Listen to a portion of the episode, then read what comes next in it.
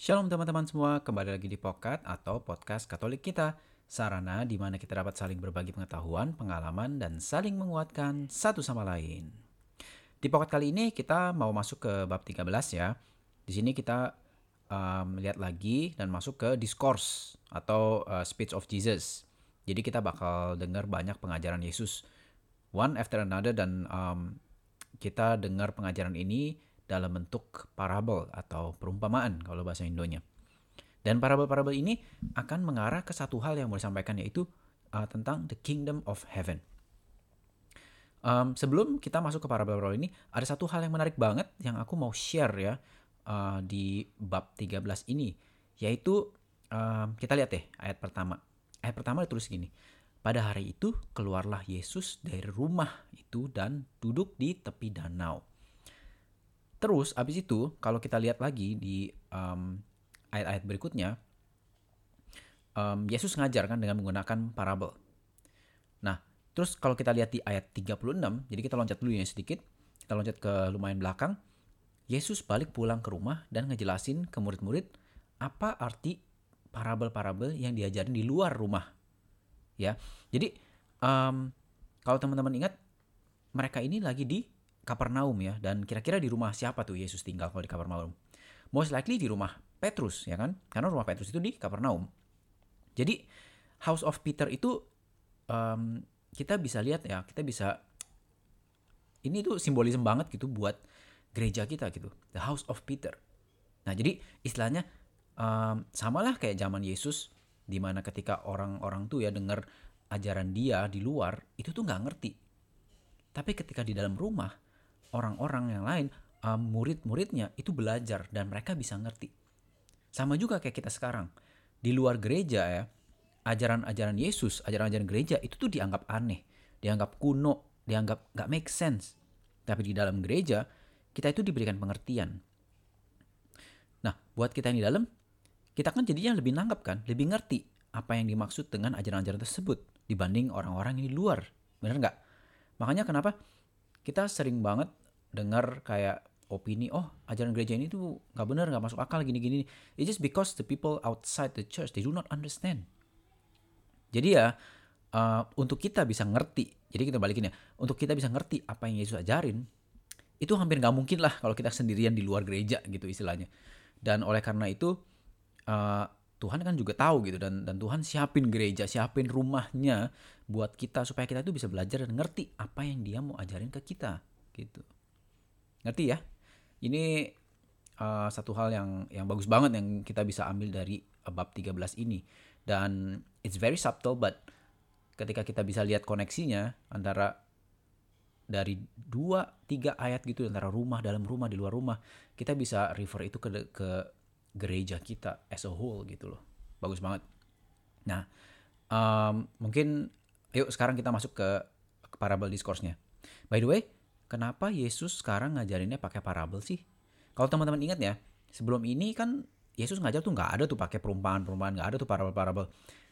Tapi kita ingat juga kalau sebelum bab 13 ini Yesus itu ditolak-tolakin kan? Dan karena itu dia itu harus hati-hati dengan apa yang dia bakal omongin di luar. Makanya Yesus ngajar di luar sekarang dengan parabel, tapi kalau di dalam dalam rumah dengan lingkup uh, terdekat dia, dia itu bisa dengan gamblang istilahnya kasih tahu apa yang dia benar-benar maksudin gitu. Um, tapi parabel itu apa sih gitu? Kalau misalnya di bahasa Indo di kita Alkitab bahasa Indo kan tulisannya perumpamaan ya, mungkin kita ngerti lah apa itu. Tapi mungkin kita ngerti itu cuma dalam satu maksud, dalam satu arti perumpamaan.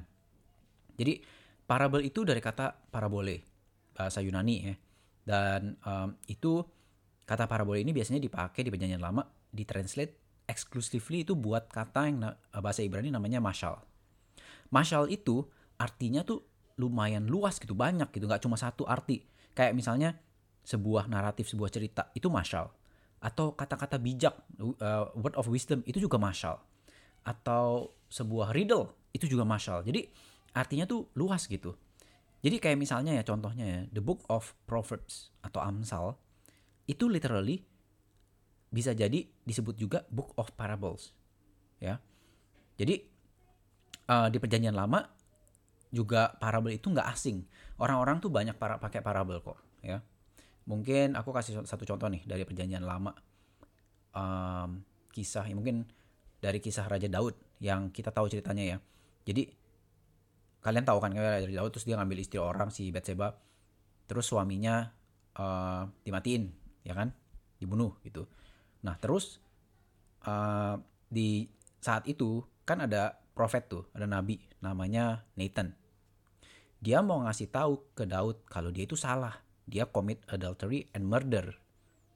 Tapi gimana caranya kalau uh, Prophet Nathan istilahnya langsung ngelabrak seorang raja Daud bilang eh lu salah ya gini gini gini ya end up-nya mungkin dia bakal di execute gitu kan nah jadi Nathan approach David itu dengan menggunakan sebuah parabel Nathan ngerti banget kalau orang yang bikin salah itu yang nggak suka langsung dibilang salah gitu. Bener nggak? Kita kan juga gitu kalau kita bikin salah kita tuh nggak nggak suka gitu di eh, lu salah lo gitu. Um, banyak orang yang nggak bisa terima gitu langsung. Ceritanya gimana? Mungkin aku baca ini ya aku ambil dari uh, eh, 2 Samuel. Tuhan mengutus Nathan kepada Daud. Ia datang kepada Daud dan berkata kepadanya ada dua orang dalam satu kota yang seorang kaya dan yang lain miskin Si kaya mempunyai sangat banyak kambing domba dan lembu sapi. Si miskin tidak mempunyai apa-apa selain dari seekor anak domba betina yang kecil yang dibeli dan dipeliharanya. Anak domba itu menjadi besar padanya bersama-sama dengan anak-anaknya, makan dari suapnya dan minum dari pialanya, dan tidur di pangkuannya, seperti seorang anak perempuan baginya. Pada suatu waktu, orang kaya itu mendapat tamu, dan ia merasa sayang mengambil seekor kambing dombanya atau lembunya untuk memasaknya bagi pengembara yang datang padanya itu. Jadi, ia mengambil anak domba betina kepunyaan si miskin itu dan memasaknya bagi orang yang datang kepadanya itu. Lalu dikasih cerita itu kan. Lalu Daud menjadi sangat marah karena orang itu dan ia berkata kepada Nathan, "Demi Tuhan yang hidup, orang yang melakukan itu harus dihukum mati." Dan anak domba betina itu harus dibayar gantinya empat kali lipat karena ia telah melakukan hal itu dan oleh karena ia tidak kenal belas kasihan. Kemudian berkatalah Nathan kepada Daud, Engkaulah orang itu. Beginilah firman Tuhan Allah Israel, Akulah yang mengurapi engkau menjadi raja atas Israel dan akulah yang melepaskan engkau dari tangan Saul. So, jadi um, ceritanya jadi kan ada dua orang kaya, ada dua, dua orang satu kaya satu miskin dan yang miskin itu punya satu lembu yang disayang banget. Orang kaya itu banyak lembunya. Uh, kambing domba dan lembunya. Dan ketika orang kaya itu mau uh, apa namanya nyuguhin orang yang datang dia nggak mau tuh pakai pakai dia punya ternak. Tapi dia ambil satu-satunya yang yang disayang banget sama orang miskin terus disembelih. Nah um, tentu saja Daud ya sebagai seorang shepherd kan sebelumnya pasti bisa relate banget. Makanya dia itu marah gitu. Tapi dia nggak sadar kalau ternyata Nathan itu lagi menggunakan parabel untuk ngasih tahu dia kalau dia tuh salah gitu kan. Jadi kan Nathan bilang so you are the man. Engkaulah orang itu yang bikin ngaco nih yang yang yang orang kaya yang ngambil itu. Dan tentu saja teman-teman mungkin tahu ceritanya. Jadi apa yang terjadi? Daud menyadari kesalahan dia dan bertobat. Jadi powerful banget kan kalau parabel itu dipakai yang dipakai Nathan ini untuk menyadari kesalahan Daud. Terus di perjanjian lama, ya nggak cuma ini dong, ini kan salah satu contoh dari parabel ya. Di perjanjian lama tuh parabel juga banyak dipakai untuk uh, nubuat-nubuat kayak profesi gitu ya. Nah, di bab 13 ini kita bakal lihat 7 atau 8 parabel. Parable of the sower, itu yang pertama. Yang kedua itu parable of the uh, wheat and tares. Yang ketiga, parable of mustard seed. Yang keempat, parable of the hidden uh, leaven, parable of the hidden treasure, parable of the pearl of the great price, the dragnet. Terus yang terakhir, um, yang kita kalau kita include juga itu ada yang the scribe and the kingdom. Ya, biasa orang bisa bilang tujuh, kadang-kadang delapan parable. Kita masuk ke parabel yang pertama ya. Ini pasti teman-teman udah sering banget denger deh. Tapi aku bacain lagi di Matius 13 ayat 3 dan seterusnya um, dan ia mengucapkan banyak hal untuk dalam banyak hal dalam perumpamaan pada mereka katanya adalah seorang penabur keluar untuk menabur. Pada waktu ia menabur, sebagian benih itu jatuh di pinggir jalan. Lalu datanglah burung dan memakannya sampai habis. Sebagian jatuh ke tanah yang berbatu-batu, yang tidak banyak tanahnya, lalu benih itu pun segera tumbuh karena tanahnya tipis. Tapi sudah matahari terbit, layulah ia, dan menjadi kering karena ia tidak berakar. Sebagian lagi jatuh di tengah semak duri, lalu makin besarlah semak itu dan menghimpitnya sampai mati.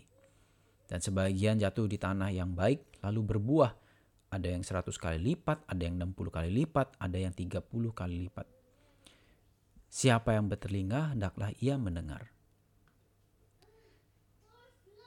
interpretasinya tentu saja kita juga bisa di ayat-ayat berikutnya kan Yesus bilang kalau um, salah satu yang penting ya kepada setiap orang yang mendengar firman tentang kerajaan surga, the kingdom of heaven, tapi tidak mengertinya, but do not understand, datanglah si jahat merampas ditaburkannya dalam hati orang itu, itu benih itu ditaburkan di pinggir jalan. Di sini emfasisnya adalah pengertian, understanding. Tadi di ayat 19. Jadi ini tuh penting banget ya. Si jahat itu gampang banget ambil itu seed dari kita, word of God dari kita. Kalau kita nggak ngerti, teman-teman bisa relate nggak sih sama ini? Begitu banyak orang-orang di luar sana yang keluar dari gereja, entah itu Katolik, entah itu Protestan, atau mereka yang pindah agama, karena mereka itu nggak ngerti benar-benar apa yang ada di dalam gereja kita gitu. Aku dulu pernah ingat, uh, pernah dengar salah satu talk, tapi aku nggak inget exactly yang mana. Tapi aku ingat kayaknya itu dari Dr. Scott Hahn yang bilang kayak gini, gak mungkin orang-orang itu keluar kalau orang itu oh, kalau gak mungkin kalau orang itu kalau benar-benar ngerti ajaran agama Katolik dia tuh bakal keluar dari gereja. Itu gak mungkin gitu. Kalau mereka tuh benar-benar ngerti apa yang di dalam gereja kita mereka tuh gak akan keluar gitu. Dan terus terang itu resonate banget dengan diriku ketika aku misalnya nggak terlalu ngerti tentang suatu ajaran gereja ya terus aku cuekin. Dan itu tuh jadi celah di mana si jahat itu bisa datang untuk gangguin aku. Gimana kalau orang yang gimana kalau misalnya orang yang cuek gitu yang benar-benar nggak mau belajar yang benar-benar nggak mau ngertiin ajaran ajaran kita yang cuma kayak ah apaan sih ini ajar gereja kayak gini? Ini udah kuno ini udah nggak nggak sesuai lah nggak toleransi lah nggak gini nggak gitulah.